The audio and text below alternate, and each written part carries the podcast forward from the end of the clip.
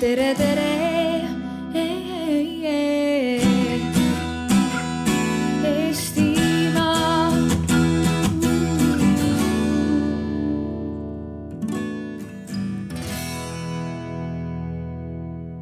Tervist, oleme siin energiapöörde alal.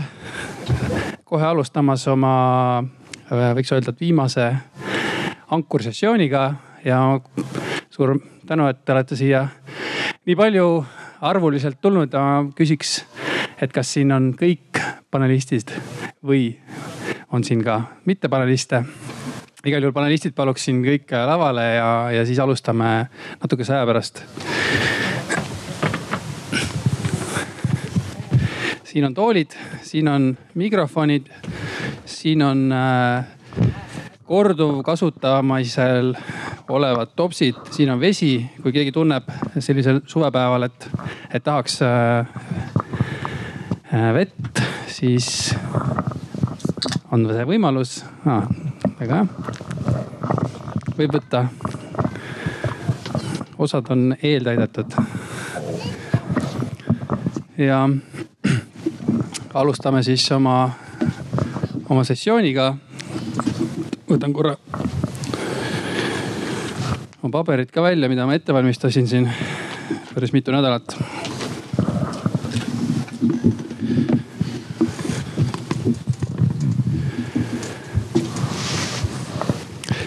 et jah, kõige ennem tutvustaks ennast. minu nimi on Siim Umbleja. ma loodan, et te olete kõik need kaheeurosed kavad ostnud, võib-olla seal on see kirjas ja esindan siin sellist organisatsiooni nagu Eesti Jõujaamade ja Kaugkütteühing, kes siis, äh, kuidas öeldagi, koondab endas äh, elektritootjaid, soojusetootjaid, võrguettevõtjaid ja ka mõningaid teisi ettevõtteid, kes on energeetika valdkonnaga seotud. ja kui siin Arvamusfestival mõni aeg tagasi küsis teemasid, siis sai välja pakutud ja, ja osutusime siis valituks oma sellise teemaga nagu äh, milline on tuleviku energiavõrgustik ja nägin natukene vaeva, et saada selline väga kõrgetasemeline ekspertiis siia lavale. et kõik, äh, kõik osapooled sisuliselt on esindatud. ja räägime siis üks tunnikene nendest äh, nendest äh, võrgustikest. aga nagu ikka tavaliselt öeldakse, et, et üks hea nali käib nagu asja juurde ja võib-olla sellega oma sellist nagu äh, äh, paneeli siis alustakski ühe naljaga Jukust ja õpetajast. et kindlasti teate seda nalja, et, et kui õpetaja küsis Juku käest, et kustkohast elekter tuleb, siis Juku vastas, et loomaaiast õpetaja küsis, miks siis loomaaiast, et aga mu isa alati ütleb, et, et kuradi ahvid võtsid voolu ära, kui, kui elekter on ära läinud. aga kas ka päriselt siis see elekter loomaaiast tuleb või kuskohast ta tuleb ja kuidas ta tuleb, eks siis loodame, loodame sellest siin äh, natukene rääkida. ja kindlasti me ei räägi ainult elektrist, räägime ka teistest energialiikidest, soojusest ja noh, põllumajandusest vast ei räägi, toidust. aga jah, et äh, ma ei tea, annaks kõige ennem äh, sõna meie panelistidele lihtsalt, et nad ennast tutvustaksid, kes nad on ja kust nad äh, tulevad.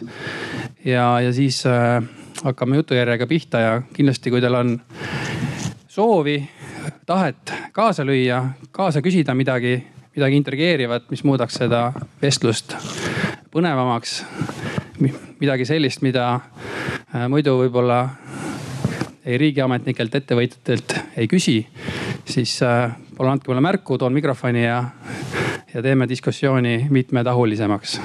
aga jah, palun siit. tere, äh, ma familiaarselt istun, et püsti tõusma ei hakka. minu nimi on Siim. ma olen ettevõttest Energiateenus ma olen siin esimest korda ja vastates äh, teise Siimu küsimusele kohe, siis elekter tuleb näiteks sealt energiateenuse päikesepaneelidest. näiteks üks koht, äh, kus see tulla võib ja millega meie ettevõte äh, energiateenus tegeleb, põhimõtteliselt kõigega. ehk siis täitsa õige, Siim. Parimad eksperdid on siin täna olemas ja me oleme keskendunud siiski ärikinnisvarale ja päikeselahendustele ehk siis tegeleme kompleksselt sellega, mis ühes suures-suures kaubanduskeskuses näiteks või büroohoones toimub. kuidas inimesed seal sees ennast tunnevad ja kuidas selle kõige käigus energiat kokku hoida ja raha säästa tervist, minu nimi on Margo, mina tulen Tartust, aga ettevõtluse mõttes olen siis äh, sellise energiafirma nagu Fortum Eesti juht. ja Fortum tegeleb väga laias spektris igasuguse energeetika, jäätmekäitluse ja ringmajandusega. Tere ka minu poolt, olen siis Evelin Neido ja igapäevaselt siis Keskkonnainvesteeringute Keskuses põhiliselt siis ressursitõhususe ja tänavavalgustuse meetme raames küll, aga, aga võib-olla täna ka saab põgusalt mõnest muust meetmest rääkida. Ja tere, et Siim, aitäh kutsumast esmalt, et kuigi ma natuke kutsun iseennast ka siia, aga, aga õnneks mul on nagu koduväljaku eelis, et mina olen Paide poiss ja selles mõttes on hea, hea siin olla. mina olen Elektrilevist ja olen Priit Reial ja olen ühtlasi juhatuse liige ja finantsjuht ja tegelen väga palju ka regulatsioonidega, et, et see on võib-olla see taust tere kõigile, aitäh Siim kutsumast, olen Martin Kikas Tartust, Tartu regiooni energiaagentuur. olemuselt oleme MTÜ ja, ja tänu sellele, et oleme MTÜ ja rajatud Tartu äh, linna ja Tartu Teaduspargi poolt eelkõige tegelema siis lõpptarbijate ja väiketarbijatega eelkõige siis tere ka minu poolt, mina olen Heidi Koger. olen Keskkonnaministeeriumist ja välisõhu ja kiirgusosakonna juhataja. Ähm, mina olen kusjuures Paide tüdruk, nii et mul on ka rõõm siin olla. ja, ja millega siis Keskkonnaministeerium tegeleb, nagu te iseenesest teate, loete, aga võib-olla osakonna poole pealt ongi just see õhusaaste on meie pool, mida me jälgime, kontrollime seda, et, et Eesti elanikel oleks hea õhk hingata. selleks on meil seirejaamad ja reguleerime siis kogu seda õhusaastet ja allikaid, et oleks kontrolli all. aitäh. väga hea, kõik äh, tutvustused tehtud, et äh, väga palju inimesi Paidest. see oli ka väga oluline argument tegelikult, et äh, miks need inimesed siia ka valida, et, et kohapealsed inimesed tulevad siia kõige väiksema energiakuluga ja saavad kõige rohkem panustada nii et, et nüüd võiks nagu siis tasakesi hakata edasi minema ja, ja kui ma siin mõtlesin, et mida, et millest siin seda, mida siin arutelu üldse siis nagu äh, noh üles tõsta, et mis see oluline teema on. siis ma võtsin nagu kolme, kolme sõnaga tegelikult selle kokku, et esi, esimene on kindlasti see, et et äh, varustuskindlus või äh, kuidas öeldagi nagu julgeolek, et see energia, mida me tarbida tahame, et see oleks alati olemas. et see on kindlasti selline, millest äh, ma ei tea, kas me iga päev just selle peale mõtleme. et kuna see on juba no, muutunud nii ise, iseenesest mõist, mõistetavaks. aga see on kindlasti noh, nii nagu need ahvid, kes selle voolu ära võtsid, siis kui varustuskindlus ühel hetkel katkeb, siis on tegelikult kõigil palju probleeme ja, ja väga palju pahaseid inimesi. Äh, siis äh, teine punktike selles samas äh, osas on, et see energia siis, mida me siis tarbime varustuskindlalt, et see oleks mõistliku hinnaga ja taskukohane. et, et kindlasti on, on see väga oluline igaühe rahakotile ja ettevõtetele samuti, kui nad oma tooteid äh, toodavad. et see energia oleks, ei oleks nagu ülemäära kallis. ja kolmas äh, kindlasti on meie kõigi ootus puhtale keskkonnale, et, et kuidas me neid kolme teemat suudame siis nagu omavahel niimoodi tasakaalus hoida, et, et alati oleks energia olemas. alati oleks energia siis mõistliku hinnaga ja keskkond oleks ka puhas ja, ja säästetud et selle, selle peale võiks selle, selle arutelu siin nagu, nagu ülesse seada. ja siis ma tuhnisin veel täna hommikul natukene vanades raamatutes ja vaatasin, et millal siis need energiavõrgud äh, nagu üldse alguse said. ja vähemalt ühe, ühe sellise saksa kirjaniku või populaarteadusliku kirjaniku äh, ma ei tea, kas õpik just, aga igal juhul selline populaarteaduslik raamat äh, kirjutas seda, et äh, esimene selline äh, nagu elektriime siis põhimõtteliselt nägi, nägi ilmavalgust tuhat kaheksasada kaheksakümmend kaks aastal Münchenis, kus tehti elektrinäitus üle, ma ei tea, kas üle Müncheniline, üle Saksamaaline või.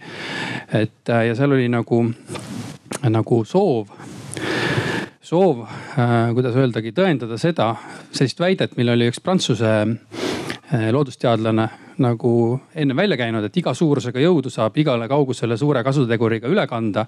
ükskõik kui peenikeste traatide kaudu, kui vaid elektripinge on küllalt kõrge. siis äh, tuhat kaheksasada kaheksakümmend kaks Münchenis see teoks tehtigi, et äh, tavalise telegraafiliini kaudu toodi viiekümne seitsme kilomeetri kauguselt äh, siis äh, elekter sinna äh, halli siis äh,, kus ta pumpas äh, vett ühest anumast teise äh, niimoodi, et äh,, et moodustus selline kosk ja mida siis kõik äh, seal äh, näitusel käijad vaatasid ja imestasid et tõesti on võimalik, äh, kuidas öelda, jõgedes äh, leiduvat jõudu siis nagu ära kasutada, transportides seda viiekümne seitsme kilomeetri taha. et, äh, et selline, ah, selline asi, et need võrgud polegi nagu kuigi vanad, siis ütleks tegelikult sada kolmkümmend seitse aastat, noh oleneb muidugi, mis perspektiivis nagu vaadata aga et enne seda siis väga sellist äh, noh, ütleme niimoodi, ta ei olnud igale, igale inimesele, võib-olla igale ettevõtjale nagu kättesaadav, et ainult suured ettevõtjad, kes suutsid enda tarbeks midagi toota. Need, need siis said seda jõudu nagu rakendada, ülejäänud siis pidid kas mingi auru või, või hobu või inim või mis, mis, mis iganes jõu alusel nagu, nagu seda tööd tegema. Ja võtakski esimese teema, et äh, lihtsalt natukene fantaseeriks küsiksin igalt äh,, igalt äh, võib-olla siis nagu panelistilt, et, et millisena nad näevad nagu tuleviku energiasüsteemi siis, et kui ma rääkisin nagu saja kolmekümne seitsme aastasest äh, tagusest asjast on ju. et kas tulevik võib olla natukene teistsugune, on ta samasugune või kuidas kuidas üldse mis see tuleviku energiasüsteem siis üldse olla võiks? et äh, ma ei tea, on kellelgi huvi kohe vastata esimesena? et äh, esimese. ja ma võin otsa lahti teha küll, kuigi, kuigi meie tegime pigem selle pehmema poolega energiast ja mitte tehnovõrkudega. aga selline noh, ma ütleks täna see, täna juba klassikaliseks kujunev valem või, või, või ähm, ülesanne ehk et toota võimalikult odava hinnaga keskkonnasäästlikku ja äh, kõigini jõudvat energiat.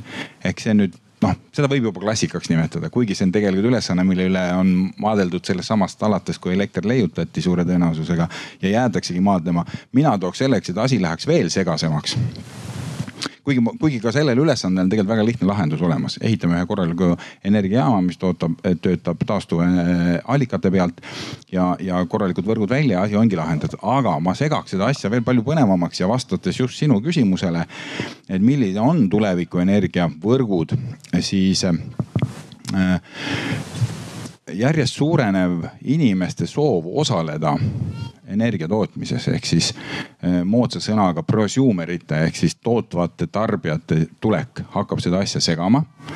Eh, nende võim kasvab, ehk siis võrgud peavad olema võimelised kahtepidi energiat liigutama nii tarbija poole jaamast kui ka siis ülejäävad energiat tarbija juurest teiste tarbijateni.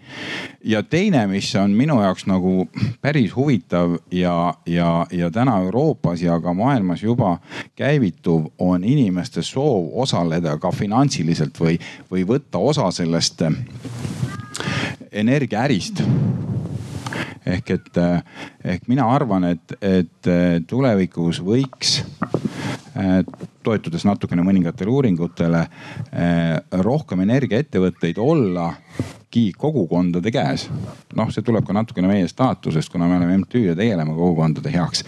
siis võikski olla kogukondade omadis ka ja kogukonnad võiksid jagada seda vastutust varustuskindluse poole pealt, kui ka siis seda pisukest, mis sealt tiksub siis taskusse kasumi poole pealt Hollandi teadlaste mm, uuringuinstituut Delftist on teinud uuringu, et teoreetiliselt vähemalt võiks aastal kaks tuhat viiskümmend nelikümmend viis protsenti äh, tarbitavast elektrienergiast olla toodetud inimeste endi poolt. See puudutab nüüd elektrivõrkusid, soojavõrkudega on natukene teine lugu ja natukene keerulisem. aga jah, need kaks dimensiooni, mida ma näen tulevikuvõrkudes et, et võrgud ei ole, võrgu, võrkudes energia liigub äh, mitmet pidi. ja teisalt omandivormilt ilmselt ei ole nii monopoliseerunud, nagu nad on täna. nii, kui kellelgi on veel. jah, ma võin lisada jah, et äh, tegelikult üks märksõna, mis võib-olla tulevikku kirjeldab, on, on äh, natuke seesama, et tarbija võim kindlasti tarbija, tarbija otsustab, mida ta tarbib, seda me näeme ka tegelikult juba täna nii-öelda nende energia ostulepingute või power purchase agreement idega, kus näiteks suured äh, firmad, on ta siis Facebook, Google või ka näiteks Starbucksi kohvikud, ostavad otse tootjalt energiat ja nad valivad selle tootja mitte ainult hinna põhjal, vaid, vaid see ongi nende õigus, et kindlasti, kindlasti selliste suurte tarbijate õigus, õigused või võim suureneb aga ka väiketarbijate võim suureneb ja, ja tegelikult tekib ka tootmine. Eh, nii-öelda need prosumer'id tekivad, aga noh, see on nüüd küsimus, et eh, kui palju neid tekib ja, ja kas, kas see ka mõistlik on, et see on võib-olla pikem teema, ma usun, et me jõuame tänase debati käigus niikuinii selleni ka. Kui tohib, ma jätkan siit kohe, et kahe käega selle poolt, mis Martin ütles ja tegelikult, mis mind äh, huvitab siin äh, täna eelkõige just äh, sellise süsteemse mõtlemise koha pealt. ongi üks aspekt ja ma tahaks kuulda Elektrilevi ja Fortumi arvamust tegelikult, kui ma siin kohe võin niimoodi tüli hakata kiskuma et tegelikult ütleme millest Martin ka rääkis ja tegelikult mida sa küsisid, eks. et me ei, pigem ju ei planeeri elektrisüsteemi või energiasüsteeme nagu asja iseenesest. et kui küsida ükskõik milliselt eh, elektroenergeetikult, ta ei ütle sulle, et hakkame hajaenergeetikat tegema ja teeme hästi väike, palju väikeseid ebatõhusaid tootmisüksuseid, super idee. et tegelikkus on ju see, et eh, igas noh, peaaegu igas energiasüsteemis on mastaabisääst, mida suurem sul on tootmine, seda tõhusam see tootmine on. suured jaamad tsentraliseerime ja, ja sõidame selle plaaniga. aga nüüd noh, minu arvates ongi äh, energiasüsteem kui selline tulevikus ikkagi vahend. et ütleme, me tegelikult peaks lähtuma ju selliselt kontseptuaalsest äh, linna ja elukeskkonna planeerimisest, sellest, et kuidas, kus meil inimesed elavad, kus nad liiguvad, millistes hoonetes nad elavad, millistes hoonetes nad töötavad ja energiasüsteem tekib sinna ümber. ehk siis noh, vaatame nagu pigem ju tulevikus või vähemalt mul on selline tunne, et me peaks vaatama tulevikus seda, et mida inimesed teevad, kus nad teevad ja millal nad teevad. ja sellele nagu ümber tuleb see energiasüsteem. ehk siis see peakski olema paindlik, kuskil me teeme suurt energeetikat, kuskil me teeme väikseid äh, tootmisjaamu ja mis mind äh, Elektrilevi ja Fortumi puhul huvitab, on see, et kas see teie arvates võib-olla tekib iseenesest või siis ikkagi peab, peab Heidi hakkama seal oma su suures tornis koos kolleegidega ikka reeglite raamatuid kirjutama ja, ja MKM-i kolleegid ka, kellest ma kahjuks ühtegi ei näe siin praegu, aga võib-olla nad teavad kõike juba et kas, kas peab lööma nagu reeglite raamatuga ülevalt pähe või saab kuidagi alt üles ka? Võib-olla võtan siit ise sõna üle, et ähm, minu arust nagu tulevikku saab alati ennustada selle pealt, et mis on tuleviku väljakutsed. ja täpselt nagu sa esitasid, siis on mingid väljakutsed, eks ole. jaotusvõrgu vaates on neid väljakutseid mitmeid. et kuidas hoida nagu pikaajalist süsteemi optimaalsena. et sa ei investeeriks üle, sul oleks, noh täna meie kõige suurem väljakutse on ikkagi see, et kuuskümmend protsenti võrku äh, tagab viis protsenti energiaülekannet ehk et see on nagu väga vales jaotuses, eks ole et kuidas seda siis nagu seda pööret nagu tagasi saada või no, ongi see, et äh, kindlasti tekivad tariifi uued hinna sellised incentive'id, mis paneb tarbijat ise, ise mõtlema, kas ta vajab sellist ühendust sellise võimsusega. ehk et äh, hinnasignaal on see, mis äh, viib tarbija selleni, et ta vähendab oma võimsusid, loodetavasti, kui ta ei vähenda, siis ta on valmis maksma seda kulupõhist hinda selle eest. Ja mis on väga okei. Okay teine aspekt on see, et ähm, noh, ega, ega kui me vaatame Euroopat kui sellist, et ähm, ega me vaatame Euroopat nagu tahavaaate peeglist, me oleme kaugel ees paljuski asjades ja meil on õppida ainult nendelt, kes on meist natuke eespool, Taani, Norra, Rootsi. ja kindlasti on väga palju nagu selliseid äh, just hinna mõttes, äh, kuidas kujundada rihvi selliselt, et oleks õiged hinnasignaalid, et äh, me hakkame lõikama tipukoormusi maha viiest seitsmeni õhtul näiteks või see tariif läheb päris dünaamiliseks mingil hetkel, et hakatakse võimsusi ette tellima. noh, see on tulevik, millest me räägime, mitte keegi seda täna ei rakenda, aga ma arvan, et me oleme Eestis selle lähemal kui keegi teine täna. just, väga hea ja korra siin äh, lisaks lihtsalt selle, selle mõtte nagu juurde, et, äh, et äh, et kes see siis tarbija on, et tarbija noh, enamus meist kujutab ette tavalist kodumajapidamist, kes me kõik ise nagu oleme, et oleme need tarbijad, aga kindlasti on olemas ju võrkudes tööstustarbijad, on olemas ütleme siis niimoodi kommunaalteenused, kes tarbivad, võtame sama tänavavalgustuse, võtame mingisugused ma ei tea, purskkaevud äh, või mis iganes sellised äh, infrastruktuurid, mis, mis meid siin noh linnakeskkonnas nagu ümbritsevad. et, et kindlasti on väga keeruline, kuidas öelda, disainida seda energiasüsteemi siis noh, seda nagu õpiku järgi mõnes mõttes, et eks see on kuidagi nagu iseenesest tõenäoliselt niimoodi kujunenud, et kuidagi on kuskil mingisugused inimesed kokku saanud, hakanud äh, noh, nagu öeldakse, linnastuma. Äh, on hakanud seal äh, mingisuguseid tootmistegevusega tegelema või mingisuguseid teenuseid nagu siis sellest tulenevalt tarbima. ja, ja kogu see infrastruktuur noh Eestis tõenäoliselt küll kõik on ise eneselikult juhuslikult nagu, nagu kujunenud ja kuidas see nüüd modifitseerida selliseks, et, äh, et kõik saaksid nagu äh, äh, noh, nagu öeldakse sinna, sinna nagu ligi. et võib-olla elekter kui selline natukene nagu universaalsem äh, energiaallikas on noh, päiksepaneelidega tõesti on võimalik sinna nagu, nagu siis energiat juurde anda sinna süsteemi ja teisel pool nagu tarbida, aga noh, kui näiteks võtame need kaugküttevõrgud, siis äh, noh, ega kaugküte ju iseenesest samamoodi on, äh, kuidas öelda, nagu mugavusteenus ühtepidi ja, ja keskkonnateenus nagu teistpidi, et, äh, et äh, igalühel ei pea ju korstnast tulema tossu või suitsu. ja igaüks ei pea ju päevast päeva kogu aeg nagu kütma, et võib ju olla kuskil natukene linnast eemal üks selline tootmis, tootmisüksus ja torud on, torud on soojad ja tulevad, tulevad trassi kaudu nagu siis koduni välja. aga samas, kui nüüd räägitakse ligi nullenergia hoonetest või siis nagu öeldakse, et tahaks ise hoones hakata mingit jääksoojust sinna, sinna võrku suruma, siis äh, äh, kas see nagu on mõistlik või kuidas selle, sellega nagu üldse tegeletakse, et võib-olla ma ei tea, Tartust on kindlasti häid näiteid Fortumil võib-olla selles osas nagu, nagu rääkida, et, et kas see nagu on võimalik või mis see nagu kaasa toob, et, et noh, ühtepidi on investeeringud tehtud, katlamajad, elektrijaamad on nagu ehitatud, torud on äh, maa sisse pandud. ja, ja nüüd keegi tahab siis hakata põhimõtteliselt nagu öeldakse äh, ise nagu tootma, et kas see on nagu võimalik ma tean, et Tartus see vist on võimalik. mujal vist väga veel ei ole nagu, aga, või vähemalt pole meediat ületanud, aga jah jah, see on võimalik, seda, see on võimalik Tartus ja on võimalik igal pool mujal samuti ja hea, et sa puudutasid seda või, või ütlesid selle välja, et torud on maa sisse ära pandud. Need torud maa sees ongi tegelikult selle, selle mitmesuunalise energia liikumise võimaldaja. niisama nagu elekter, elektrivõrk võimaldab, võimaldab väikestel tootjatel siis anda seda näiteks päikeseenergiat oma katuselt võrku. samamoodi võimaldab soojusvõrk siis anda või võtta vastu igasugust jääkenergiat, jääksoojust, kas ta on siis tööstuse jääksoojus, on ta jah jahutusseadmete jääksoojus.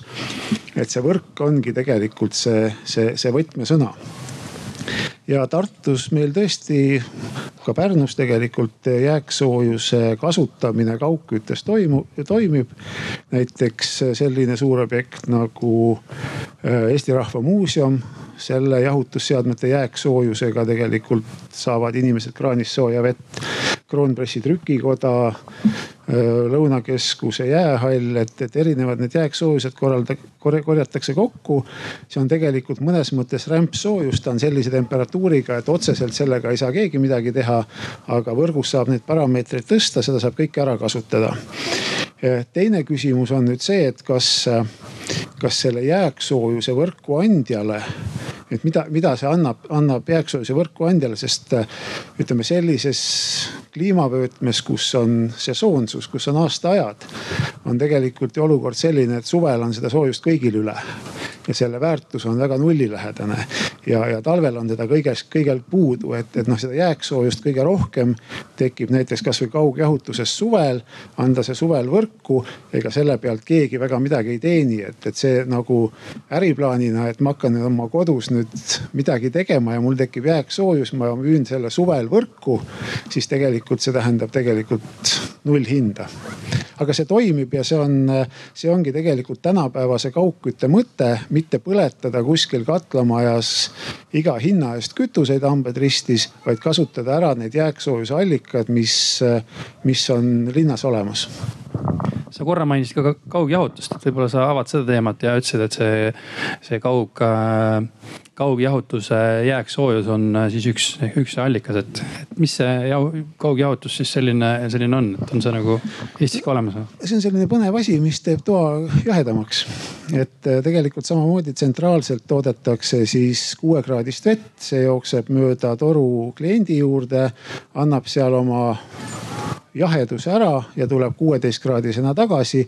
ja sellest kuueteistkraadise vee baasil saab soojuspumpadega seda juba parameetrid üles tõsta ja kasutada uuesti kütteks. et noh, ta on peaaegu nagu igiliikur, aga natuke tuleb vahepeal energiat juurde panna, selleks on meil näiteks jahutusjaama katus kaetud siis päikesepaneelidega, kus nad töötavad kõige paremini, sest jahutust läheb kõige rohkem jällegi suvel vaja.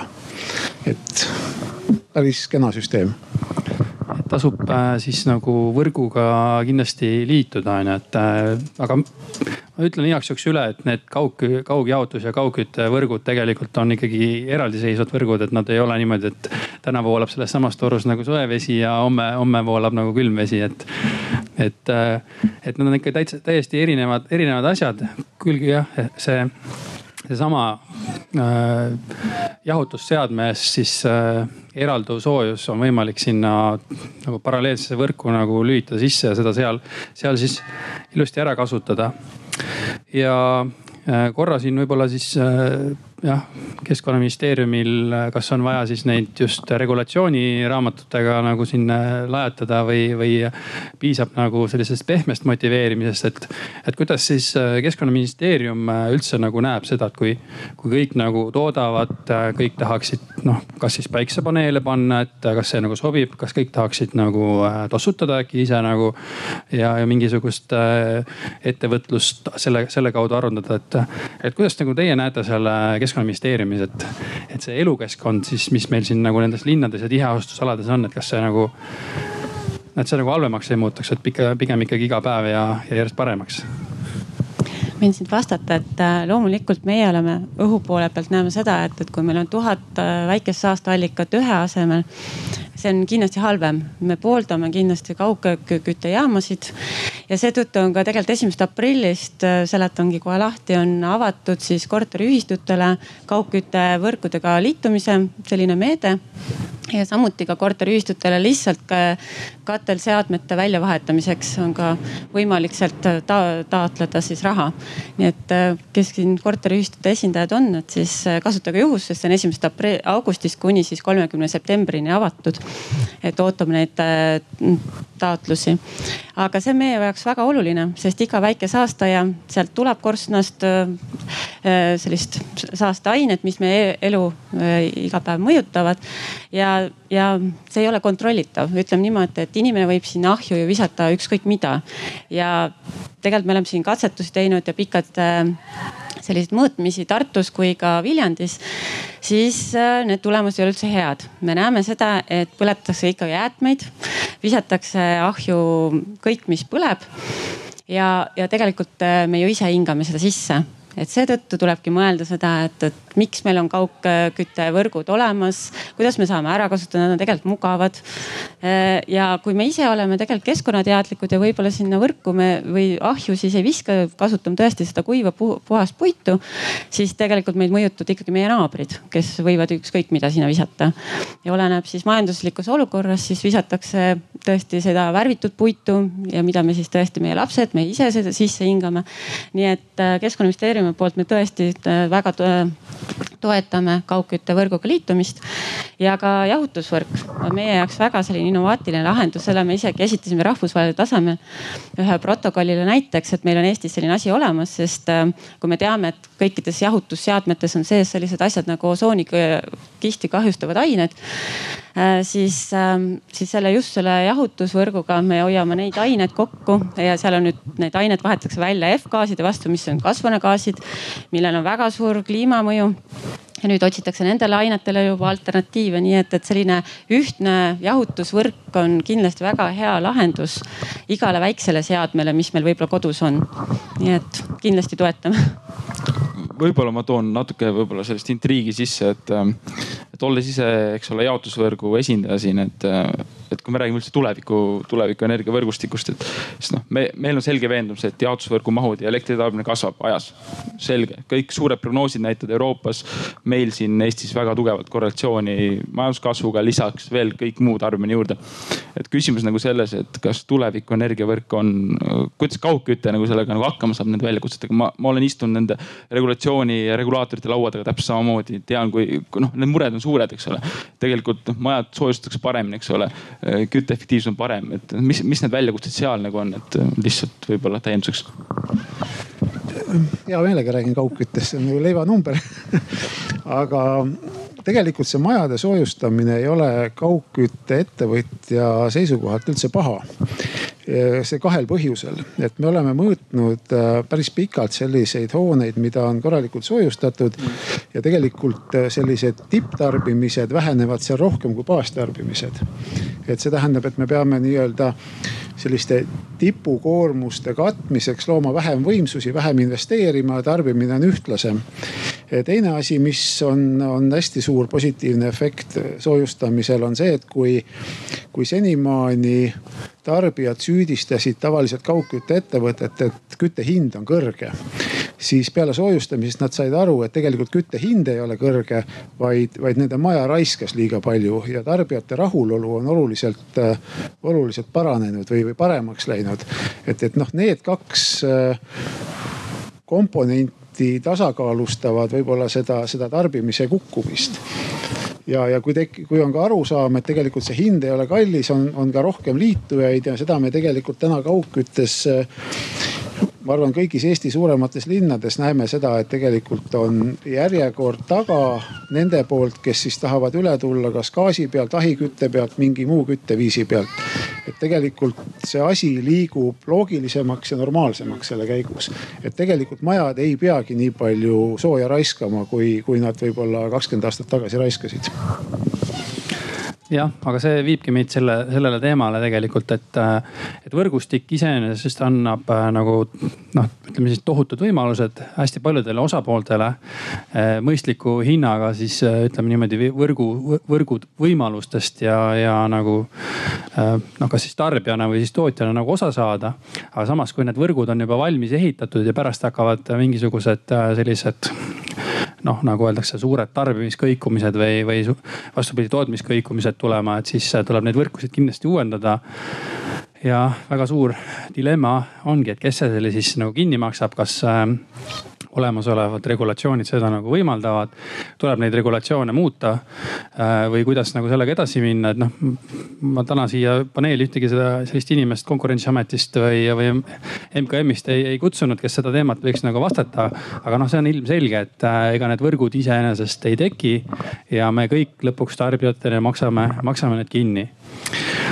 aga enne kui, enne kui me selle võrkude ja selle osas natuke edasi läheme, siis annaks äh, KIK-i esindajale siin korra sõna, et äh, ta küll enne mul palus, et, et kuna ta on alles äh,, äh elab sisse, nagu öeldakse KIK-i tegevustesse, et ma väga keerulisi küsimusi ei küsiks, siis ma küsikski ühe sellise sellise lihtsama küsimuse, et, et mis, millised uued need toetused on teil nagu siis tulemas, mis nagu võiksid võrgustikke veel, veel kord nagu toetada või võrgustik, võrgustumist.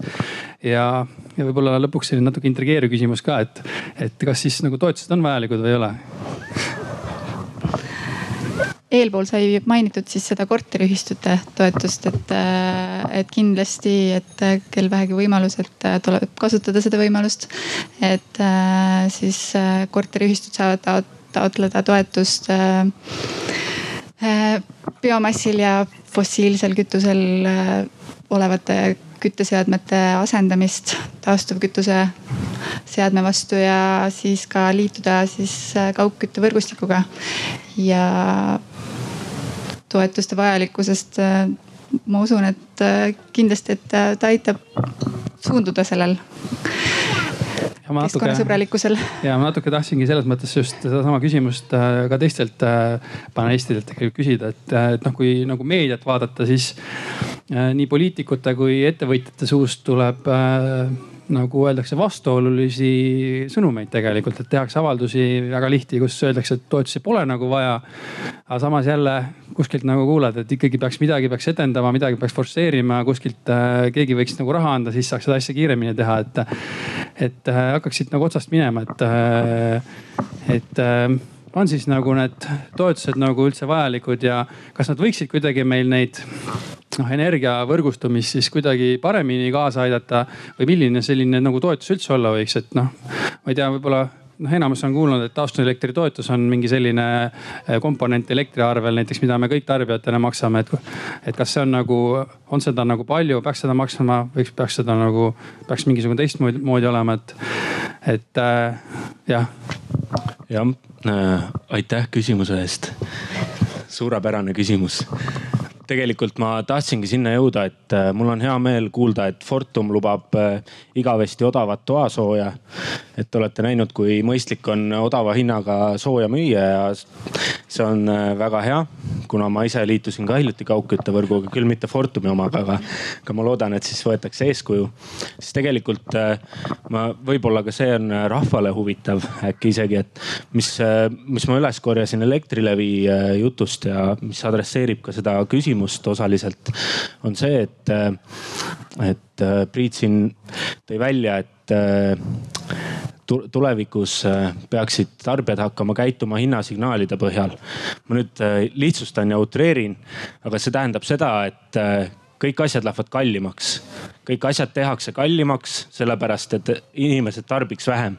see on nagu see tegelikult, eh, kuhu lihts, lihts, lihtsustatult asi läheb, eks. kui me räägime kaugküttevõrgust, sinna on, eh, Siim kindlasti teab, mitusada miljonit pandud viimaste aastate jooksul. noh, midagi ikka no,. sada, sadakond äkki ikka. noh, üle saja ikka.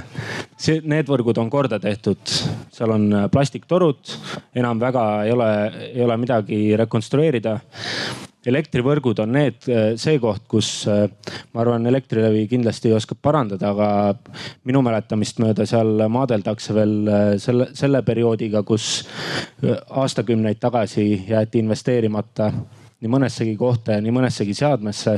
ehk siis me maksame tegelikult praegu elektrivõrgutasuga kinni veel seda tegemata investeeringut. ja nüüd me hakkame äh, tegema sellist kahesuunalist elektrivõrku, mis tähendab seda, et äh, kõik need seadmed võib-olla, mis me viis-kümme aastat tagasi välja vahetasime suuremates linnades.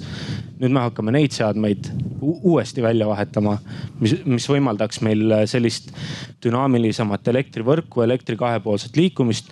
ja muidugi, kui sellele tegevusele toetust ei maksta, siis see läheb sirgelt tarbijale edasi edasi. selles ei ole küsimustki, sellepärast et Elektrilevi on reguleeritud äri, kõik need asjad, kõik need investeeringud pannakse tariifi.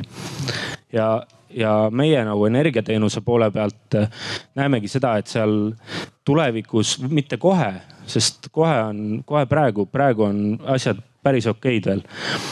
tulevikus on äh, tekkimas just see probleem, et äh,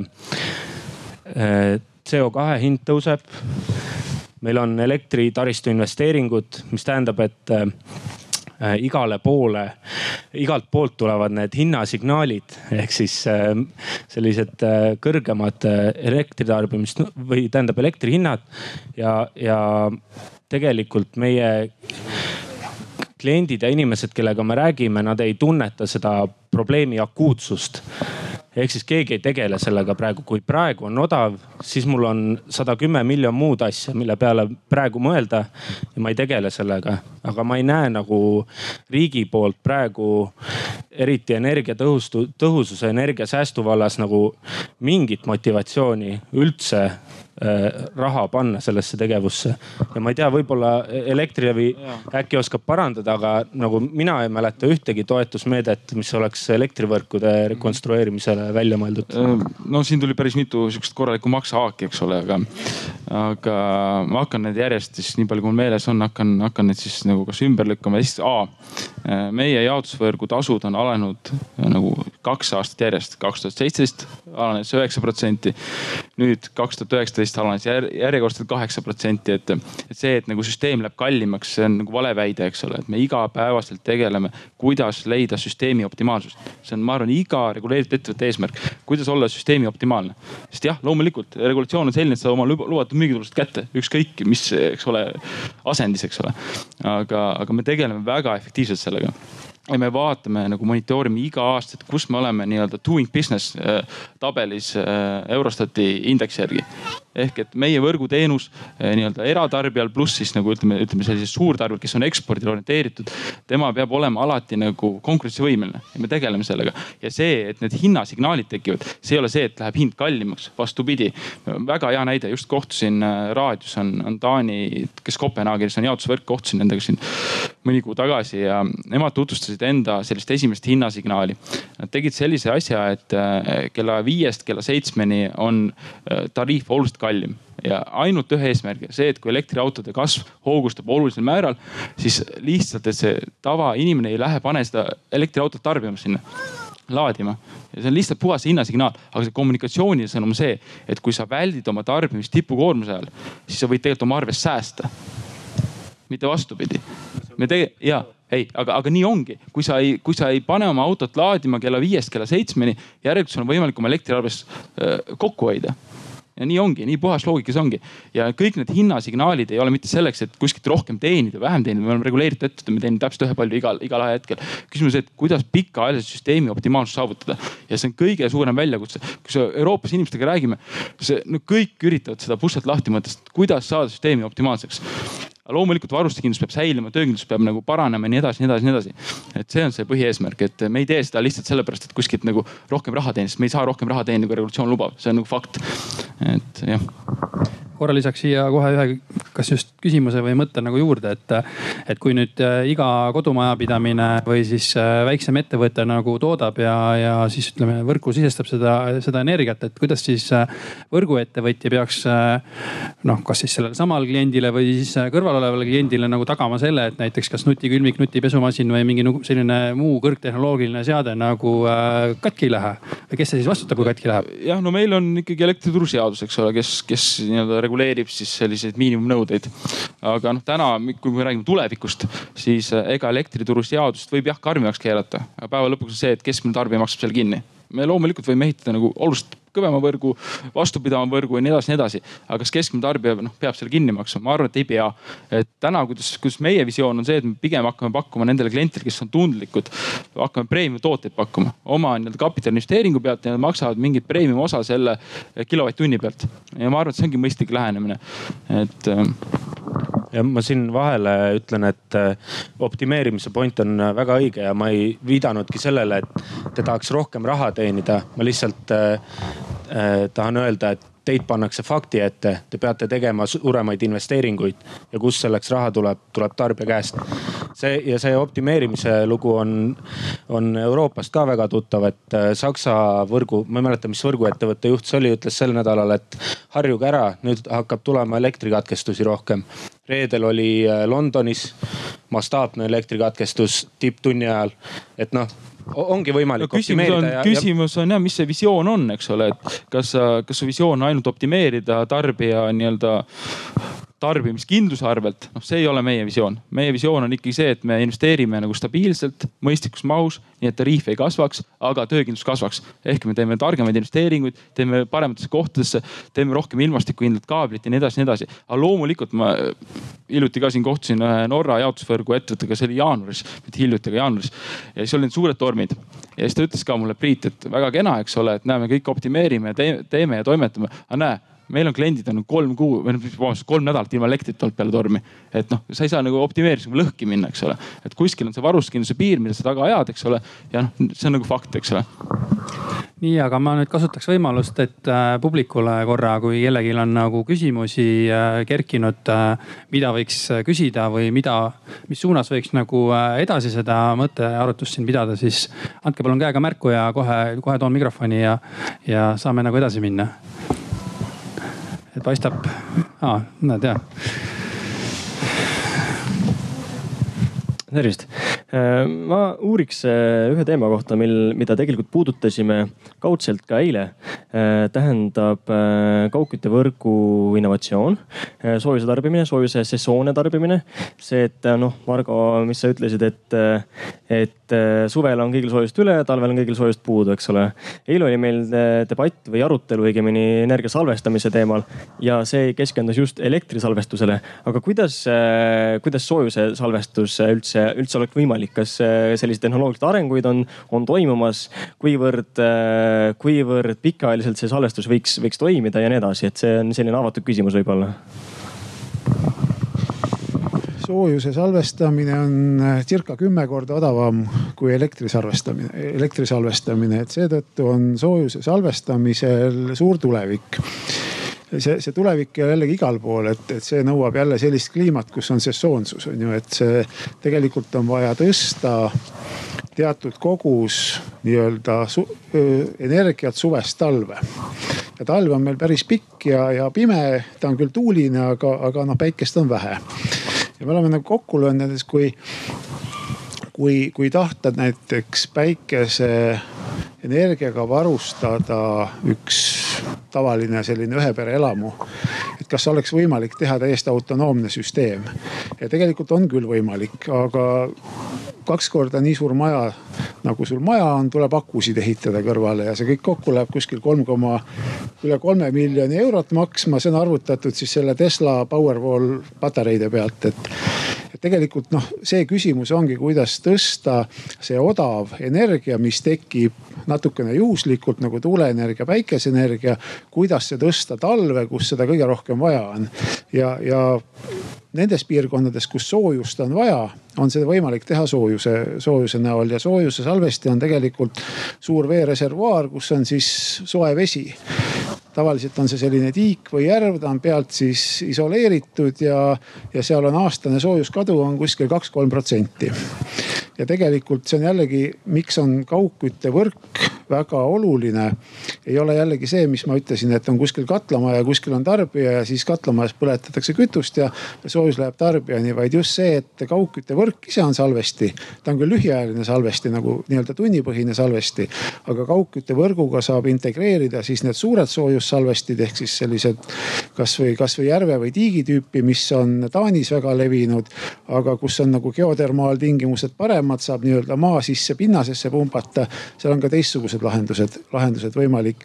Ja sellega on päris palju võimalik absorbeerida seda soojust, mis on tegelikult äärmiselt odav. näiteks seesama päikeseenergia äh, aprillikuisel päikesepaistelisel päeval, kus majad päeval kütet enam väga ei vaja.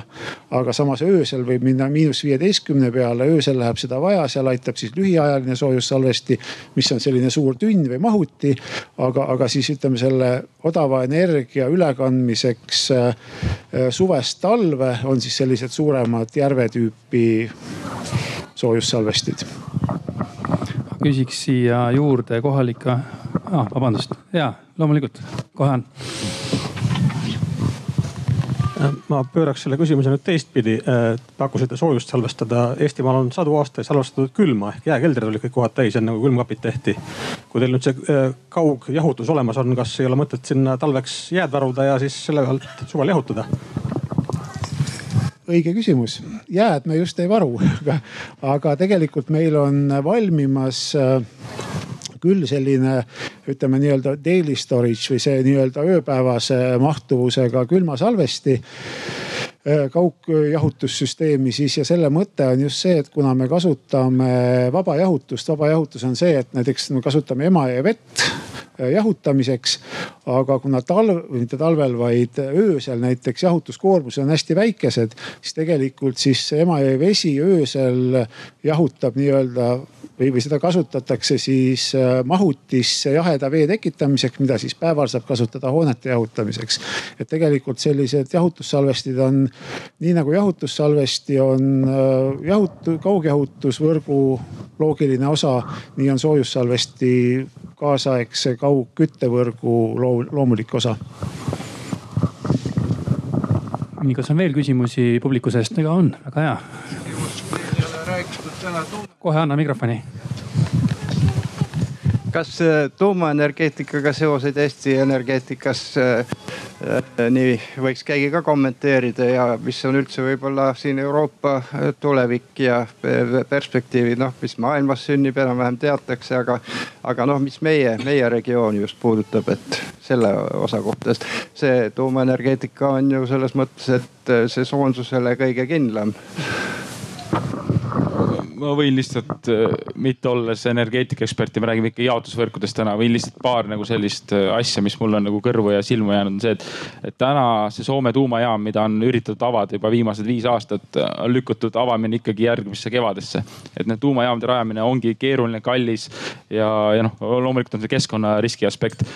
teisalt on see, et äh, hiljuti Inglismaa tellis endale sellise reservtuumajaama ja sealt ostetakse võimsust äh, põhimõtteliselt fikseeritud hinnaga kakssada eurot megavatt-tund. tegelikult turuhind on kuskil viiskümmend eurot ehk et tuumaenergia täna noh, ei ole enam konkurentsivõimeline. kui rajada nagu avamere tuulepark, siis avamere tuulepargi megavatt-tunni hind on kuskil noh, kolmkümmend, kolmkümmend viis, oleneb kui, kui nagu häid lepinguid saab. et äh, selgelt taastuvenergia on täna nagu konkurentsivõimelisem, aga noh, ma räägin seda jaotusvõrgu võtmes, mina ei ole ekspert, ma lihtsalt ega see vastab tegelikult tõele jah, et see, see Inglise Hinkley Pointi tuumajaama näide on, on tõesti selline ekstreemne, seda tuleb tohutult toetada. kui me räägime nii-öelda nendest uue põlvkonna sulasoolareaktoritest mis võiks tulla viieteist, kahekümne aasta pärast, siis tegelikult on küsimus, mis on siis taastuvenergia hind viieteist, kahekümne aasta pärast ja, ja, ja ÜRO, see ei olnud vist ÜRO, see oli vist Bloombergi mingisugune tulevikuprognoos näitas, et äh, sellised oksjoni hinnad näiteks päikeseenergial kuskil Mehhikos, USA-s võiks olla neliteist, viisteist eurot megavatt-tund tootmise hind.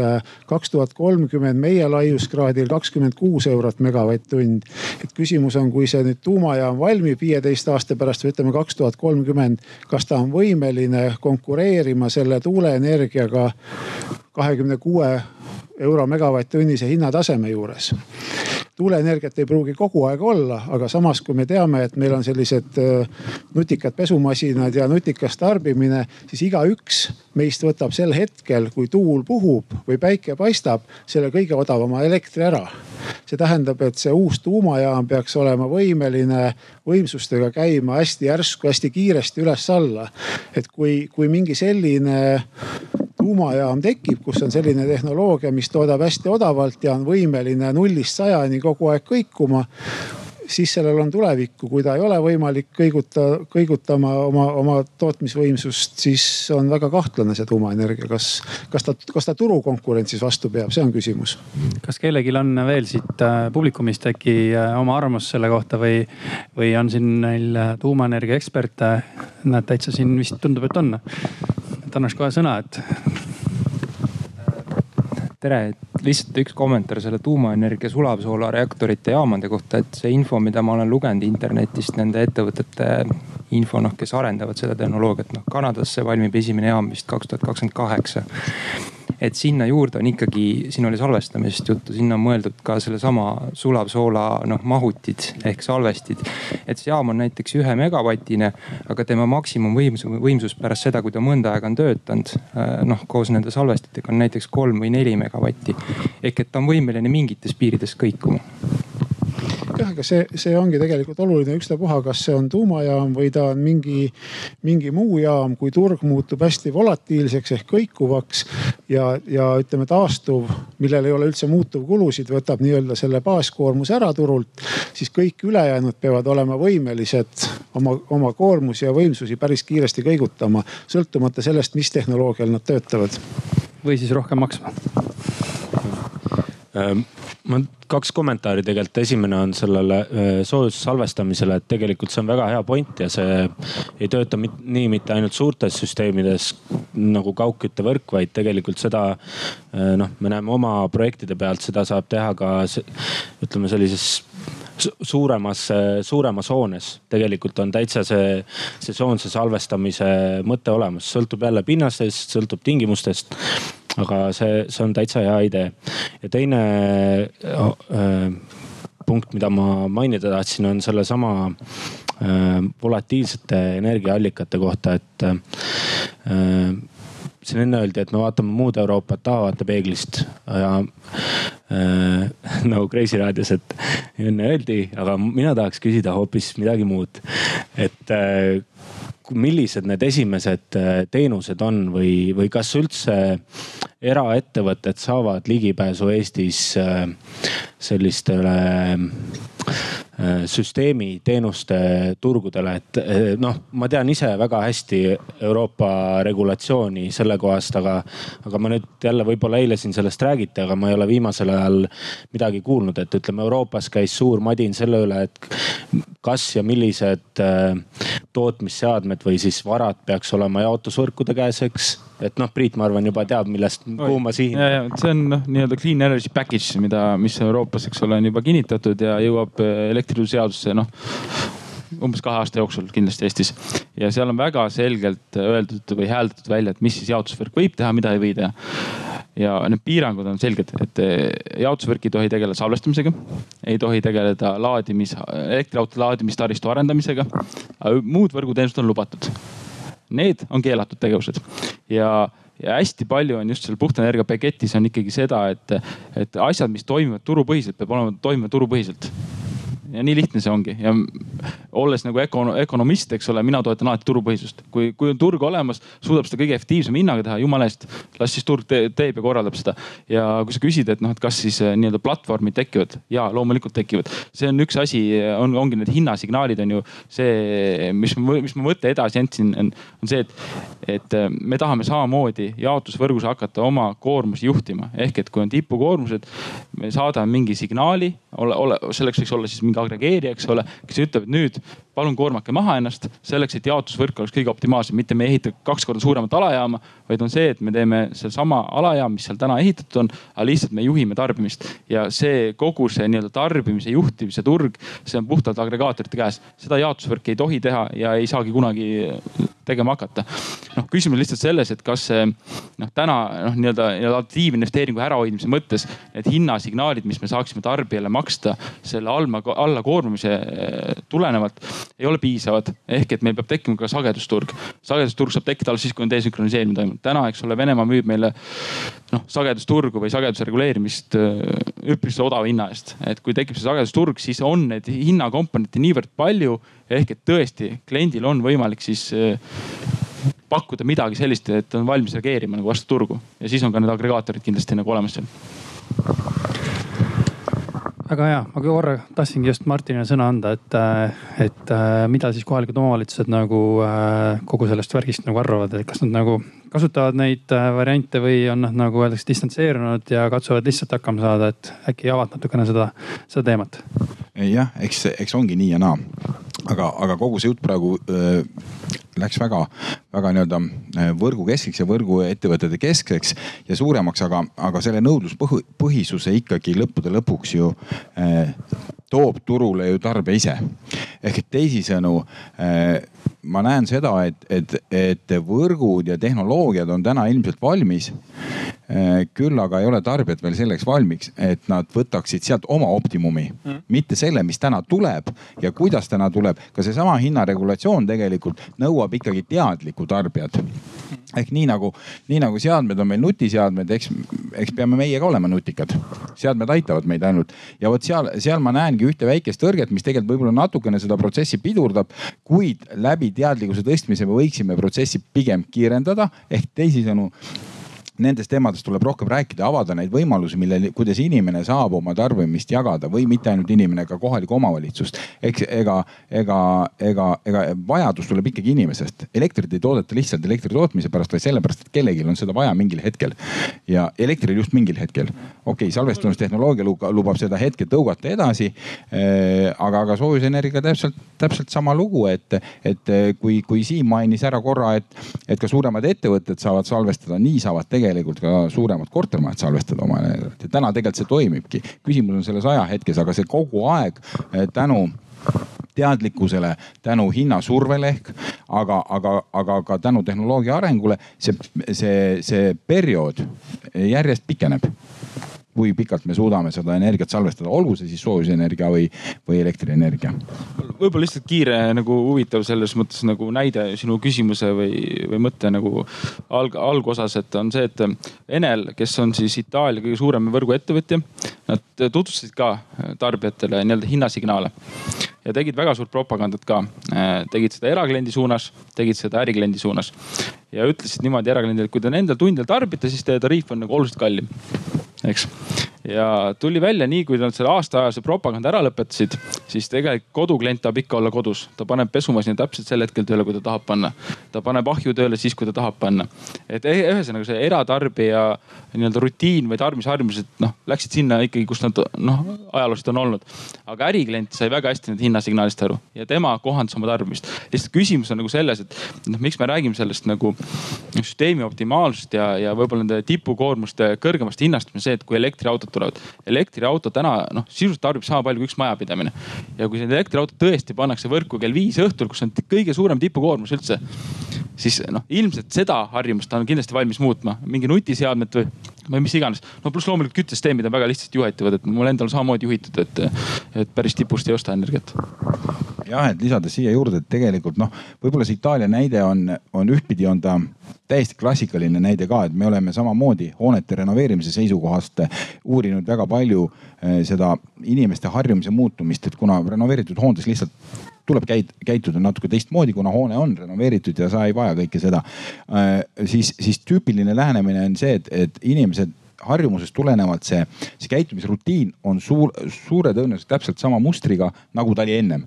aga, aga see võtabki aega ja sellepärast ma lihtsalt ütlengi, et tegelikult see on võib-olla kõige suurem pidur kogu sellel protsessil, et kogu nii-öelda kombo oleks hästi optimaalne jah, ma omalt poolt veel äh, täiendaks sellega, et lihtsalt nagu seda elektriautode magnituudi ilmestada, et tegeleme praegu ühe uuringuga, mis käsitleb kliimaneutraalsust aastal kaks tuhat viiskümmend. tegelikult see elektriautode mõju elektrivõrkudele on selline, et äh, väga konservatiivse stsenaariumi korral on äh, kuuskümmend protsenti meil elektritarbimist rohkem aastal kaks tuhat viiskümmend lihtsalt puhtalt elektriautode tulekuga. et see on, see on, see on väga-väga-väga suur number ja noh, tõesti nagu Priit ütles, et kui kõik kell, kell seal pool kuus koju jõuavad, auto stepsisse lükkavad, siis noh kuskil tuleb äh, suur pahandus. ja, ja Martini mõte on ka väga õige, et äh, et lõpptarbijal on omad harjumused ja, ja noh, meie näiteks tegelemegi nende, nende klientide või ettevõtetega, kes äh, tahavad juba praegu nutikalt mõelda. me oleme, meil noh, tehnoloogia on olemas, tehnikas ei ole kunagi mingi probleem, kõik on võimalik. Äh, meie juurde tullakse ja tegelikult otsitaksegi noh, hästi tihti büroohoonetes otsitakse äh, selliseid lahendusi, kus inimesed ise ei saa midagi aru, et toimub. Neil on, neil on ikkagi värske õhk, võib-olla läheb isegi paremaks. kiletame klaasid ära, eks noh ei ole enam nii palav, läheb paremaks, aga tegelikult ärikliendi jaoks kõik see, mis seal taustal toimub, seal on võimalik äh, päris suur võit saavutada. lihtsalt sellega, et sa mängid inertsiga, ütleme, inimesed ei tea keset ööd, mis seal hoones toimub, neid ei huvita, nad ei tea sellest midagi. päevasel ajal midagi ei muutu, aga tehnika ja see innovatsioon just, just aitab seda säästu leida sellistest kohtadest väga hea, kas on äh, veel tekkinud mõtteid siit otse publikumist, need on, väga hea ma esindan siin tööstust ja see pilt, mis siin praegu avanes, oli väga kurb, et nagu tööstus polegi eriti teretulnud enam Eestisse. praegu kaheksakümmend protsenti ekspordist tuleb tööstusest, aga, aga kui vaadates, mis siin elektri hinnaga nüüd saama hakkab ja, ja kui igalt poolt keeratakse järjest kruvisid kinni, siis peab vist kolima hakkama ma vastan ise hea meelega, et, et kuna me ei esinda siin, eks ole, elektritootjad, elektri hind on börsihind, kuidas ta kujuneb meie regioonis, et meie elektri hinnast siin jaotusvõrgud ei saa vastutada.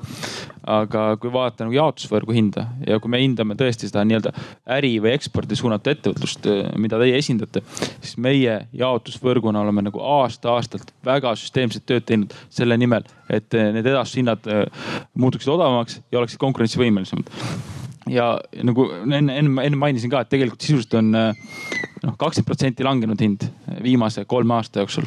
ja kui me vaatame nagu selgelt äritarbijaid, kes on suuremad tarbijad, kes on ekspordi suunatud, siis tegelikult viimane tariifimuudatus langetas hinda seal isegi kuni kakskümmend viis protsenti.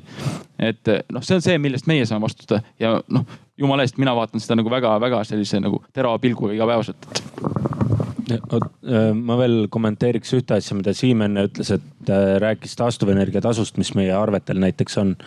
et äh, Euroopa Liidu regulatsioonid on nii piisavalt keeruliseks läinud taastuvenergia tasu kogumisel ja maksmisel, et päris paljud Euroopa Liidu riigid on otsustanud neid toetusi hakata otse riigieelarvest maksma ehk siis nad võtavad selle raha, mis muidu koguti tarbijatelt, ettevõtetelt, nad võtavad äh, selle kulutuse lihtsalt riigieelarvesse. ehk siis inimestel läheb laks hetkega kohe see asi odavamaks ja see oli see ka, millele ma enne tahtsin tähelepanu juhtida, et, tegelikult noh see on asi, mille peale poliitikud peavad pikemas perspektiivis mõtlema, et noh, CO2 hind praegu on äh, seal kakskümmend, kolmkümmend eurot täna just äh, tonn ja täna lugesin just uudist, et äh, Bloomberg ennustab seal mingit tonni hinda sada kaheksakümmend eurot.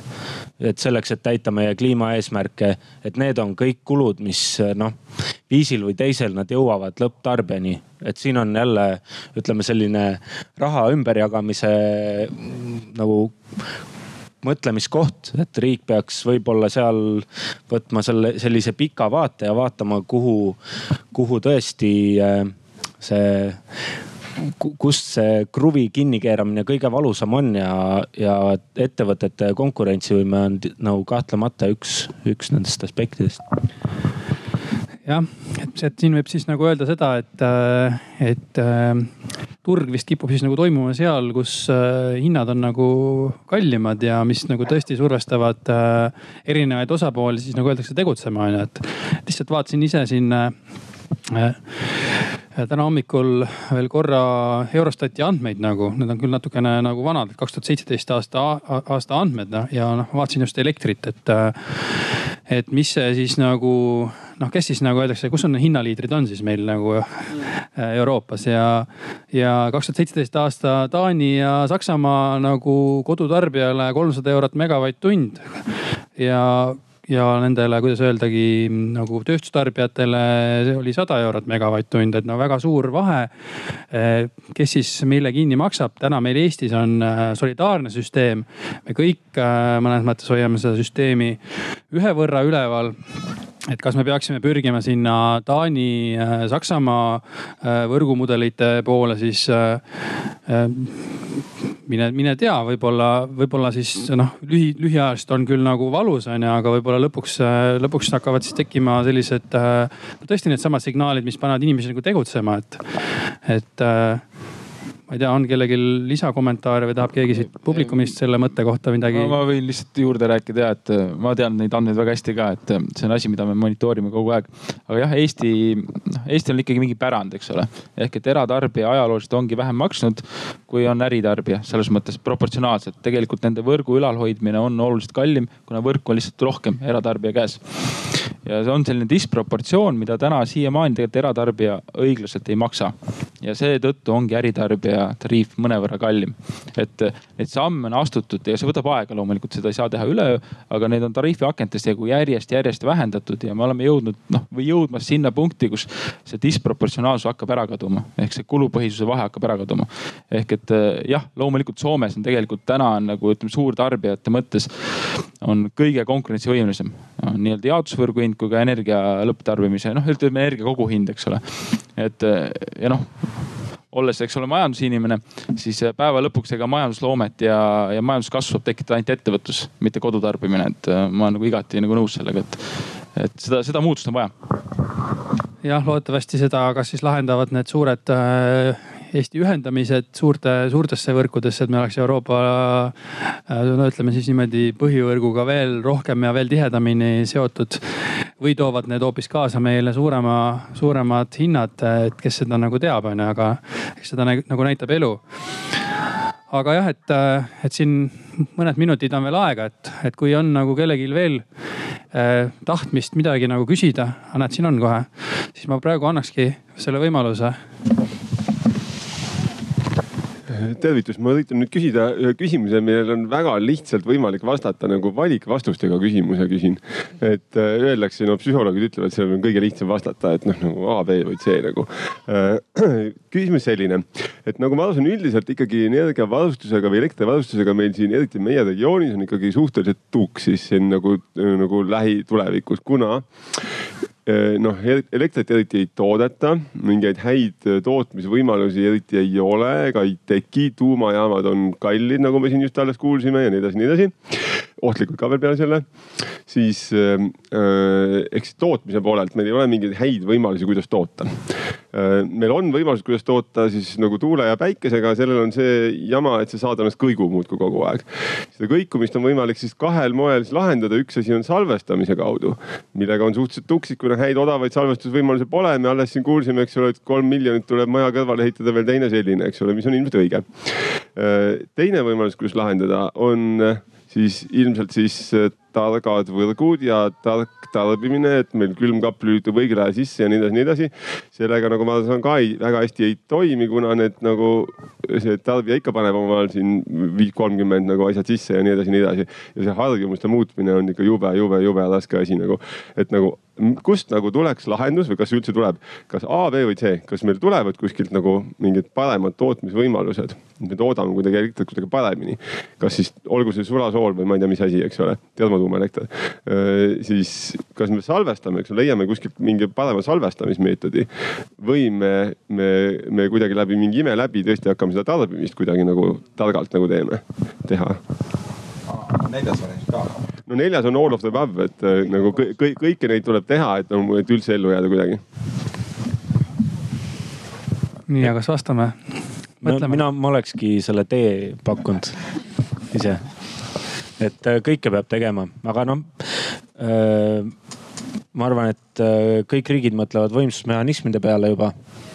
Euroopa Liidus on regulatsioon olemas, kuidas seda teha, ehk siis tekitada varustuskindlust teistel alustel. Äh, Euroopa Liit nõuab, et seda teeks liikmesriigid koos, sest nii on jälle tõhusam tõenäoliselt nii et jälle meie, ma arvan, selline poliitiline otsus ja valiku koht, et kas me teeme Balti riikidega, Soomega midagi koos, Skandinaaviaga või, või teeme ise?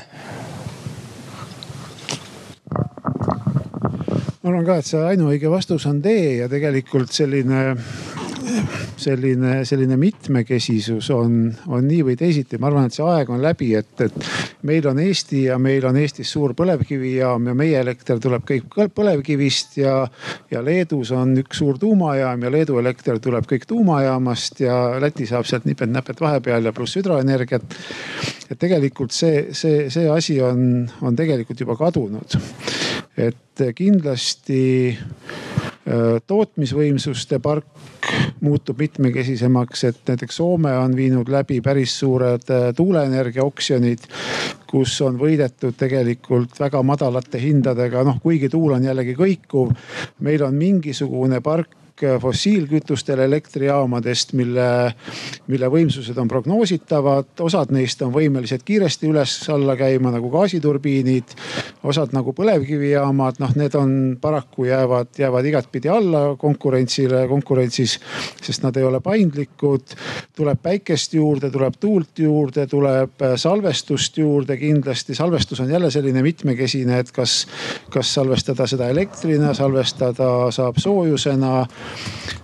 näiteks jahutuse salvestus otseselt ju asendab elektrit, sest tavaliselt jahutus on elektri pealt. kui, kui see salvestada nii-öelda külma veena, siis tegelikult ju ta asendab elektri tarbimist sel hetkel. ja, ja ära ei saa unustada ka vesinikku kindlasti, et, et vesinik on, on selline, selline huvitav asi, kuhu, kuhu samamoodi saab seda väga odavat elektrit, mis paratamatult teatud tundidel on väga odav, saab, saab edukalt salvestada ka vesinikuna. see omakorda võib mõju avaldada siis juba nii-öelda transpordisektorile, mis on elektrifitseerub, aga saab ka vesiniku peale minna. saab toota sünteetilist gaasi väga odavast, kui, kui on väga odavat elektrit mingitel tundidel tuule, tuule ja päikeseenergia, nii et see, see mitmekesisus on, on suurenemas. ma arvan, et kõik need lahendused koos tagavad selle, et meil ikkagi pirn läheb põlema ja, ja, ja pesumasin õigel ajal tööle ma lihtsalt võib-olla ei hakka neid valikvastuseid siin kommenteerima, aga, aga mõte on nagu selles, et, ähm, et kui me suudame juhtida või muuta tarbimisharjumusi nagu ärikliendil või suurtarbijal see ongi see asi tegelikult, mida me sihime. eratarbija ongi see elektriauto tulevikus ja see on väga lihtsalt juhitav või mingid küttesüsteemid. et tegelikult kogu see tarbimise tipukoormused tekivad ikkagi ettevõtlusest ja see on see süsteemi optimaalsus. jah eh eks nad on ju kõik ära öelnud juba peaaegu, et küll ma tooks selle sama dimensiooni ikkagi juurde, et, et tegelikult tarbijad ise peaksid võtma suurema rolli ennast elektriturul ehk et mitte elektri, vabandust, energiaturul. et see puudutab nii sooja kui, kui, kui elektritarbimist ja ma arvan, et võib-olla rohkem elektri suunas, sellepärast et sooja enamus kodumajapidamisi toodab maal ise. aga, aga linnad tarbivad võrgusoojust. Eh, aga elektris ei ole see ju nii ja, ja kui, kui, kui rohkem tarbijaid tuleb tootjate sekka, eh, siis hakatakse mõtlema ka rohkem sellele, mida selle eh, minu toodetud energiaga, kuhu see panna.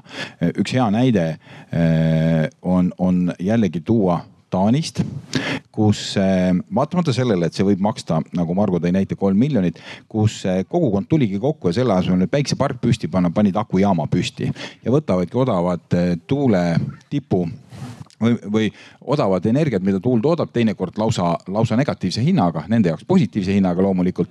ja, ja annavad seda välja täpselt siis, kui on tarbimise tipp. ehk nemad on need regulaatorid väikesed ja, ja, ja küla elab piisavalt hästi sellest. ehk et see on, see on, see on natukene küll mõtlemise muutus, aga nad sobituvad neil sellesse uudsesse skeemi päris, päris ilusasti. ja, ja, ja mina tahan ikkagi öelda, et tegelikult vaatamata sellele, et energeetika on ühtpidi täiesti nagu inimõigus justkui ja, ja me kõik seda vajame, teisiti enam ei saa on ta teistpidi keeruline, aga mitte pelgama seda keerulisust ja võtma nagu tarbijana ka suuremat rolli ja selle läbi ka ikkagi mingil määral vastutust äh, nii tarbimise kui tootmise osas. Ka siis äh, väga toetan eelkõnelejaid juba, et, et äh, taastuvenergia on meie tulevik, ma arvan ka see tee, et see targad valikud kindlasti. Äh, kas meil on siis, äh, muidugi kliima soojeneb, kui palju meil soojust kunagi tulevikus vaja on, see võib-olla väheneb. jahutust tuleb vaja. jahutust on vaja just. energiat on, elektrit on meil vaja ja tõesti see targad lahendused, et me oskaksime kasutada seda õigel ajal, õige hinnaga. ja, ja see on, ma arvan ka, et, et kas see tuumaelektrijaam, et et äh, ma võin lihtsalt siin kommenteerida ka keskkonnaministeeriumi poolt. Äh, see on meil arutusel olnud, sest seda on meil äh, üks firma aktiivselt meile siia lobistamas käinud, seda tutvustamas käinud erinevatest ministeeriumitest ja asutustes. see on laual. me oleme rääkinud ka ministrile, tutvustan, mis asi see on, see uus tehnoloogia et äh, see on jah kuluaarides täitsa teemaks, vaatame, kus ta liigub, aga hetkel ma arvan, et äh, Eesti selleks kohe nii kiiresti valmis ei ole, see vajab nagu pikemat analüüsi. sest äh, ka Kanadas see uus tehnoloogia läheb tõesti alles kahekümne kaheksandal aastal nagu, nagu siis katsetusse, et nagu proovitakse, mis sellest tuleb. et ma arvan, et see on selline uus algus, seesama vesinik, tuumaenergia, et äh, kui me tahame CO2-ga ja seda vähendada, siis, siis sellega tuleb vaadata kõiki võimalusi, kuidas seda ressurssi siis säästa. väga hea, ma veel korra siin äh, küsiks meie viimase panelisti käest siis seda kes praegu ei ole vastanud, et äh, referentsina, et kuidas noh, tarbija seisukohast siis, et äh, millal oli siis see viimane hetk, kui energiapaketi sai valitud või kas üldse on sellega nagu tegemist äh, olnud kunagi, et? Väga ammu tõsiselt, igapäevaselt ei mõtlegi sellele no.. peaks vist, tundub, et rohkem mõtlema. tundub nii jah, ma ise vabandan ka, et ma tegelikult ise ei ole ka energiapaketti mitte kunagi nagu valinud, et olen kasutanud seda, mis on automaatselt nagu tulnud. aga kui nüüd sellele küsimusele vastata, siis ma ise nagu soovitaks ja eelistaks pigem sellist nagu majakest, nagu see siin on, mis elab täpselt samas äh, faasis nagu meil on kliima. et, äh, suvel saab siin ilusti elada ja talvel siis tuleb võib-olla kaugtööd teha kuskilt nagu soojemalt maalt äkki, et, et äh, las ta, las see maja lihtsalt olla nagu nullenergia majana. aga äh, enne kui me nüüd ära lõpetame, siin mõned käed olid, ma ei tea, kas kah kaks kätt oli, et, et annaksin võib-olla sinna tahapoole kõige enam. tere, Henri Ormus, tuumaenergeetik, Soome, Fennovoimas uue tuumajaama projektist ja ka Fermi Energia co-founder, millest rääkisite. et ma paar äh, kommentaari siin eelkõnelejatele, mis ma tahaks võib-olla nagu parandada ehk siis punkt üks, et suuremahuline salvestamine hetkel ei ole nagu reaalne valik, et see on selge, et Ameerikas kõige suurem salvestamise projekt vist kas katab Eesti Energia tarbimise, kas ta oli nüüd tund aega või üks päev nagu. et nagu see, sellest ei ole mõtet rääkida. siis äh, üks punkt, äh, Olkiluoto kolmest räägiti siin, mis on läinud kolm korda kallimaks ja kümme aastat üle aja. fakt on see ja kuna see oli esimene projekt üle pika aja. Äh, aga äh, TVO, kes on omanik, ütleb, et hoolimata sellest, et see on neile läinud, nendele on see läinud kaks korda kallimaks. Nad näevad, et see toodab neile ja nende omanikele stabiilse hinnaga elektrit väga pikaks ajaks. ehk siis need tööstusettevõtted, kes on kõik omanikud, nemad saavad stabiilse hinnaga elektrit, mis on ka mõistlik. see oli üks punkt. ja see toodab nendele kasumit Eh, siis ja need eh, vanad jaamad, mis neil töötavad, need toodavad neile väga hästi kasumit. Eh, nii, siis oli veel siin salvestamistehnoloogiatest rääkides, soolad, sulasoolad on jah üks väga potentsiaalne tuleviku teema ja sinna tasub nagu, sinna tasub panustada. Äh, see oleks ka võib-olla Eestile võimalik, kui Eesti ükskord võib-olla väikse moodulreaktori kunagi siia paneb. aga olen nõus, et see on pika perspektiiv, see on kümme aastat diskussiooni ja kogu Eesti ühiskond peab olema selleks valmis. seda on vaja pikalt arutada ja rääkida. ja siis, mis lõpuks, meil on vaja kõiki, kõiki Äh, CO2 vabasid tehnoloogiaid, et üldse sellest nagu kliimakatastroofist pääseda. et meil ei ole siin vaja võistelda, kas tuum või päike või, või tuul, sest et ainult päike ja tuul kahjuks ma insenerina ei ole võimalik hetkel. ja ma arvan, viiskümmend aastat ei ole veel võimalik, aitäh. et jah, nii nagu on äh, viimased kaks sellist äh, massiüritust olnud, et iga okas loeb ja, ja üksi pole keegi, nii et võtame siit veel lühike kommentaar, et üks võrk, millest ei räägitud, mis Eestis on ka ja kannab energiat üle, on siis äh, maagaasivõrk. Äh, kuigi sellest nii-öelda imporditud gaas on hetkel vist äh, enamasti siiski idanaabri poolt tulemas. et siin tekivad ka uued võimalused seoses nende uute torujuhtmetega ja transpordisektoris on siin ka omad võimalused. mõned linnad on juba läinud üle Eestis toodetud biometaani kasutamisele ja ka eraisik saab osta seda tegelikult kohalikku kütust. et noh, sellest lihtsalt ei räägitud, aga see on ka üks võrk, mis on nagu üks osa sellest mitmekesisust lahendusest ilmselt jah, sellest me ei rääkinud, sellepärast et äh, biometaanile on omad eesmärgid seatud ja oma kasutusvaldkond hetkel, et, et äh,. ja aga tõesti muidugi gaasivõrk on, gaas on energiaallikana täiesti kasutatav ja sobib äh, päris mitmesse kohta nagu.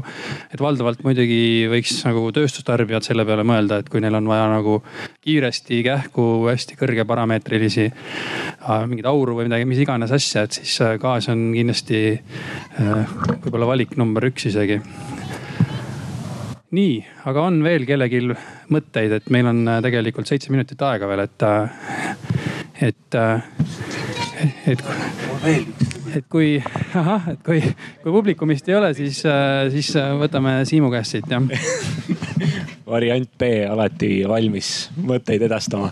tegelikult äh, üks väga hea mõte, mis sealt tuli ja mida Martin ka äh, ütles, ma tahaks seda veel kord äh, siin välja tuua eraldi, et, et see, et sul on oma energia tootmine ja sul on elektri hind kontrolli all. No see on, see on väga, see on võimas tunne. sa, kui sul on endal needsamad päikesepaneelid katusel ja sa tead, et no vähemalt, vähemalt selle väikese jupi ma teen ise. ja ta on no põhimõtteliselt tasuta, eks. no, no. põhimõtteliselt, ma lihtsalt võib-olla kommenteerin, et tegelikult on ju finantsinstrumendid olemas, et eks ole pikaajalist oma elektri hinda kindlustada selleks, noh loomulikult paneelid on üks vahend, eks ole, aga tegelikult instrumente on nagu rohkem, et. jah, aga noh finantsinstrumenti katusele ei, ei kleebi ometigi ja ei saa, ei saa selle eest hoolt kanda ja see on võimas tunne. see on võimas tunne ja kindlasti nagu see meie laadimisala siin näitab, et äh, oma telefoni saab sellega väga ilusti laetud ja noh, tegelikult tänapäeval mida rohkemat nagu vaja ongi, et võib-olla jah, aga selge, igal juhul suur tänu kõigile kuulamast, kaasa mõtlemast, suur tänu ka meie panelistidele, mul on siin väike meie, kuidas öelda nagu rohelise energia paketikene ka igale, igale panelistile nagu kaasas, et äh, meie kohalikult kommitootjalt äh, väike roheline šokolaadikarbike, nii et, et äh, suur aitäh ja ma ei tea, kohtume võib-olla siis uuel aastal uuesti äkki. jah, kõike head